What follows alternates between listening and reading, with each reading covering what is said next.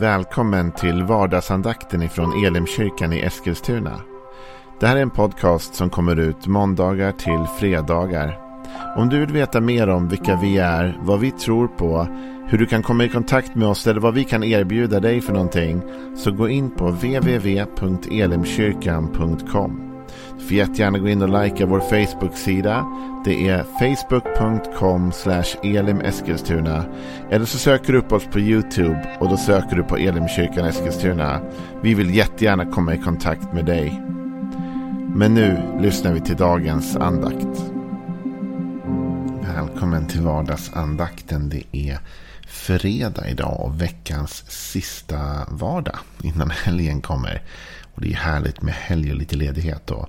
Då vill jag passa på att inbjuda dig till vår söndagsgudstjänst såklart på söndag klockan 11 i Elimkyrkan i Eskilstuna. Är du i Eskilstuna så tittar du förbi Nygatan 25 och kommer in och säger hej till oss på söndag klockan 11.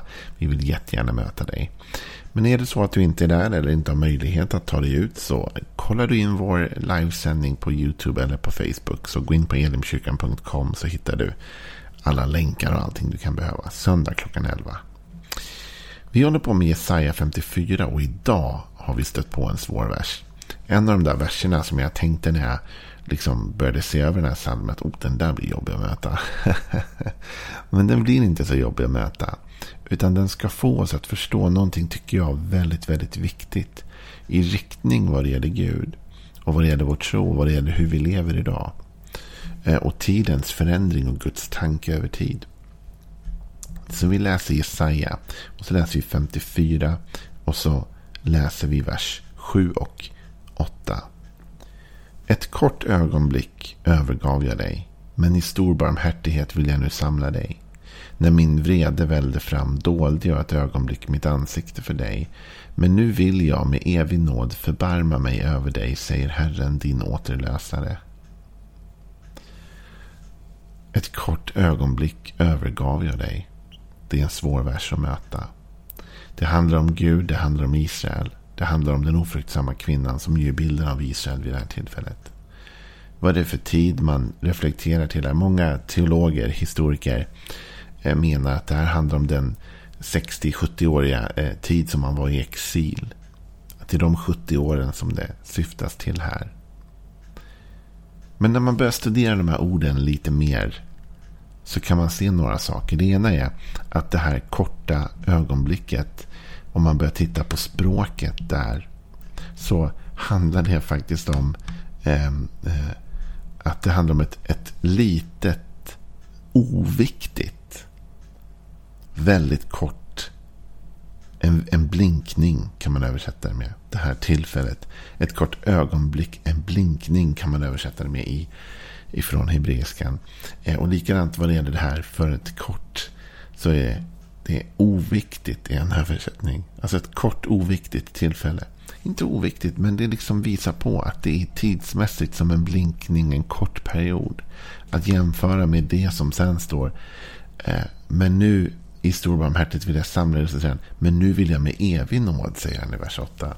Så nu sätter han riktningen framåt. Vad är poängen med detta egentligen? Det är att förstå, tror jag, också det Gud som har Guds tanke hela tiden. Att föra oss in i ett nådens förbund, en nådens tid. Guds tanke, Guds dröm har hela tiden varit att ända sedan människan bröt med Gud. För vi måste ändå komma ihåg att det är där det börjar. Det är inte Gud som ytterst sett bryter med människan. Det är människan som bryter med Gud. Det är Adam och Eva som inte gör det Gud har sagt och tar ställning emot Gud. Och det skapas ju en konflikt mellan Gud och människa. Och den här konflikten är ju levande i hela det gamla förbundet. För det finns en väg till rättfärdighet men det är genom lagen och människan bryter hela tiden mot lagen. Det är först när Jesus kommer i det nya förbundet och dör för våra synder och gör upp med våra synder. Det är ju först då som det uppstår frid igen mellan Gud och människa.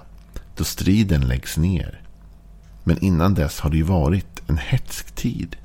Då Gud och människa har varit i konflikt med varandra stundtals. Och då och då längs vägen har de, har de försonats med varann.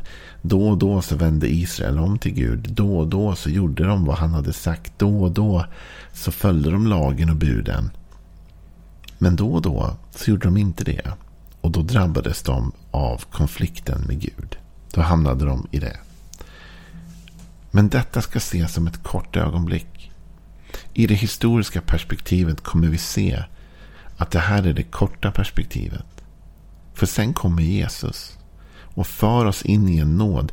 En nåd som inte bara är en jordisk, en nåd inom vår tid. Utan här talas det om en evig nåd.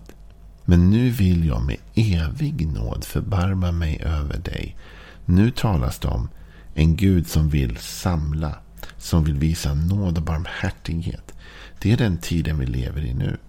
Och man kan fundera på men varför är det ens viktigt att prata om detta? Varför är det ens viktigt att ta upp att det har funnits den här starka konflikten mellan Gud och människa? Och att det ibland har varit så att Gud vände sitt ansikte eller dolde sitt ansikte för Israel när de inte gjorde vad han sa. Det, så. det är viktigt att vi måste förstå att vi lever i det nya förbundet nu. Vi måste för det första förstå allvaret i konflikten för att rätt förstå Jesu offer och vad han gjorde för oss. Han har betalt ett pris för oss för att rätta till just detta. För att stilla vreden. Gud har tömt sin vredeskalk, sin vredesbägare över Jesus. Och därmed är hans, hans, hans eh, vrede lugnad, stillad. Jesus tog det på sig. Men det är också viktigt att förstå så att vi inte nu lever med en bild av en arg Gud. Och det här tänker jag utveckla ännu mer eh, nästa vecka när vi fortsätter den här texten. Men poängen blir att vi är inte där vi var. Vi har gått ifrån denna tid, denna korta ögonblick, detta, detta nästan obetydliga ögonblick, denna blinkning i det hebreiska språket. Vi har gått ifrån den blinkningen av vrede och konflikt in i en tid av evig nåd och barmhärtighet i Jesus och genom Jesus Kristus. För så här står det på slutet eh, min vrede välde fram. När min vrede välde fram dolde jag ett ögonblick mitt ansikte för dig. Men nu vill jag med evig nåd förbarma mig över dig, säger Herren din återlösare. Så här tar Gud upp på slutet. Att anledningen till att vreden är stillad. Anledningen till att Guds ansikte inte längre är dolt för dig och mig. Anledningen till att vi inte är övergivna av Gud. Är att priset är betalt. Att nu har Jesus kommit. Att Gud har sänt sin son att dö i vårt ställe och betala vårt straff. Och därför har vi frid med Gud. Och det här är ju det som Jesaja profeterar om. Som inte de än har sett men som är på gång. Och som Gud talar om och han påminner dem om att då kommer ni inse detta. Men det är väldigt viktigt. Därför då och då så uppkommer det och jag hör dem och jag ser dem ibland eh, på sociala medier och predikstolar lite överallt så ser jag de här vredespredikanterna. Va? Som är alltid så arga. och Alltid ska döma ut alla människor. Och alltid ska tala om att Gud är vred och arg. Och Gud ska döma dit och datt. Och det är väl sant att Gud är en domare. Men Gud är inte arg längre. Priset är betalt. Gud har sonat världens synd i Jesus Kristus. Och det är så att du och jag måste var och en ta vår personliga omvändelse på allvar. Och det är inte så att det automatiskt är en sonad synd för alla. Men det finns där för den som vill ta emot Jesus och som vill omvända sig till honom. Och som säger, jag tror att du Jesus är Guds son och att du har dött för mina synder. Då helt plötsligt så tillräknas vi den här rättfärdigheten och nåden från Gud. Och vi behöver inte vara rädda för Guds vrede eller Guds bortvändhet. Gud är inte längre bortvänd. Gud är oss tillvänd. Han har vänt sig till oss genom Jesus Kristus och genom att återlösa oss och betala priset för detta. Det finns faktiskt citat till detta på lite olika ställen i Bibeln. Till exempel så talar David om detta i psalm 30 på ett fantastiskt eh, vers. Han säger så här i, i psalm 30 vers 6. Hans vrede varar ett ögonblick, kort blinkning. Hans nåd hela livet. På kvällen gästar gråt, på morgonen kommer jubel. Alltså hans vrede varar ett ögonblick, men hans nåd hela livet, säger David. Och jag tror att det här är väldigt mycket profetiskt in i den tid vi lever nu. På kvällen gästar gråt och på morgonen jubel. Vet du, det fanns en tid för gråt. Och det fanns en tid av konflikt. Och det fanns en tid då Israel gjorde uppror mot Gud. Och det fanns en tid av exil. Det fanns en tid då Gud vände bort sitt ansikte. Men det finns också en tid av glädje och jubel. Och vi lever i detta nya förbund där vi är återlösta. Där Guds lam har kommit, Johannes döparen sa, se Guds lam som borttar världens synd. Återlösaren Jesus Kristus. Och när vi möter Jesus, då, då stillas detta. va. Och du och jag måste förstå det här. Att Guds vrede är stillad i Jesus Kristus. Gud har tagit ut sin frustration. Han har tagit ut sin vrede över synden. Han har tagit ut allt detta på Jesus. Så du och jag behöver inte ta det. Jesus dog i vårt ställe. En ställföreträdande död. Och därför har du och jag liv och glädje och frid. Och kan vända oss till Gud och leva i denna nådens tid för evigt. Så du och jag måste inse att ja, det finns en kort tid av historia i mänsklighetens historia. Då mänskligheten var i en stark konflikt med Gud. Men när vi ser historien och när vi en gång i evigheten kommer vi se detta ögonblick som en blinkning, en kort tid, en obetydlig tid. För nu lever vi istället i den tid då Gud vill samla oss. I den tid då Gud vill låta sitt ansikte lysa mot oss. I den tid då Gud med evig nåd vill förbarma sig över oss. Och han har återlöst oss från våra synder, våra problem. I Jesaja 60 och vers 10 så talas det också om det här. Så står det så här. Främlingar ska bygga upp dina murar och deras kungar ska betjäna dig. För jag slog dig i min vrede, men i min nåd förbarmar jag mig över dig. Jag tycker det är en fantastisk vers. Ja, och så står det. Dina portar ska ständigt stå öppna. Varken dag eller natt ska de stängas. Så att folkens rikedomar kan föras till dig och deras kungar föras med i tåget. För det folk eller rike som inte vill tjäna dig ska gå under. Sådana folk ska förgöras helt. Libanons härlighet ska komma till dig, både cypress, alm och buxbom, för att pryda min helgedomsplats. Jag vill göra platsen för mina fötter härlig. Bugande ska dina förtryckade söner komma till dig. Alla som föraktade dig ska falla för dina fötter. Och de ska kalla dig Herrens stad, Israels heliges Sion. Det är en otrolig text om upprättelse. Gud vill upprätta sitt folk. Och lite längre ner i Isaiah 60 så står det så här. I vers 16. Då ska du förstå att jag, Herren, är din frälsare. Att Jakobs mäktige är din återlösare. Det är en fantastisk text. Och den handlar faktiskt om evigheten kommer vi ner på sen. Vi förstår att han talar om Jerusalem. Han talar om det som kommer. Men det börjar med att ja, det fanns en tid av vrede.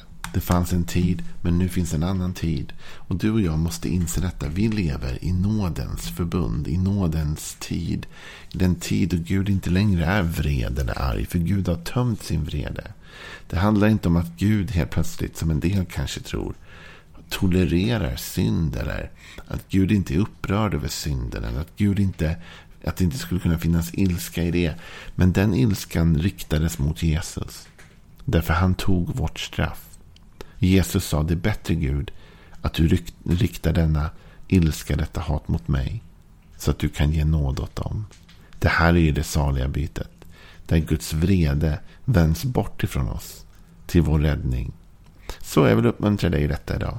Lev inte med tron om en arg Gud. Gud är inte arg. En del människor tänker sig att det sitter en arg man uppe på ett moln. Ja, det, han var arg. det fanns en tid i mänsklighetens historia då Gud var i konflikt med sitt folk. Därför hans folk vände sig från honom. Eh, och det ledde till att Gud dolde sitt ansikte för dem. Men det här är en kort tid. Och nu lever vi inte längre i vredens tid. Vi lever i nådens tid. Vi lever i återlösningens tid.